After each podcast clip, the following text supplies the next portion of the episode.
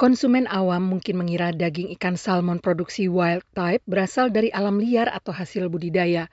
Padahal daging ikan ini berasal dari beberapa sel salmon dan dikembangkan di sebuah lab di kantor pusat wild type di California Utara. Salah seorang pendiri wild type, Justin Colbeck, mengatakan, We've come up with a way to make salmon cells. Kami menemukan cara untuk membuat sel-sel salmon dan kami mengombinasikannya dengan basis tanaman.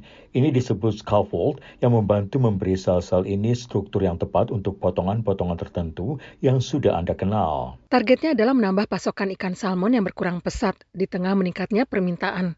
Colbeck menambahkan, So our idea was let's give them another option that doesn't involve Jadi gagasan kami adalah memberi mereka opsi lainnya yang tidak menambah tekanan terhadap ikan liar atau terus mengandalkan pembudidayaan ikan. Sementara itu, uji rasa sedang berlangsung untuk potongan-potongan kecil ayam yang dikembangkan dari sel-sel ayam di laboratorium Upside Foods. Potongan itu ternyata terlihat dan terasa seperti daging ayam sungguhan. Amy Chen, COO Upside Foods, mengatakan kepada VOA melalui Skype. It's real meat that's grown directly from animal cells. So you Ini daging sungguhan yang dikembangkan langsung dari sel-sel hewan, jadi kita tidak perlu memelihara atau menyembelih hewan, tetapi kita masih dapat merasakan daging yang kita semua sukai. Lonjakan populasi, permintaan daging dan makanan laut yang meningkat juga berdampak bagi lingkungan.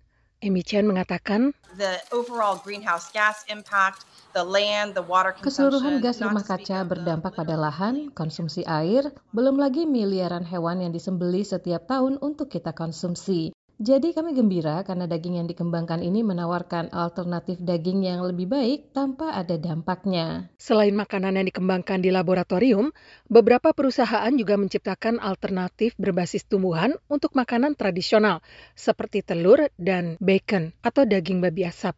Eben Bayer, CEO dan salah seorang pendiri My Forest Foods, mengatakan kepada VOA melalui Skype. My bacon is a delicious replacement for pork bacon, which mimics My the bacon texture- adalah pengganti bacon yang lezat yang meniru tekstur, rasa, dan kerenyahan yang kita dapatkan dari bacon.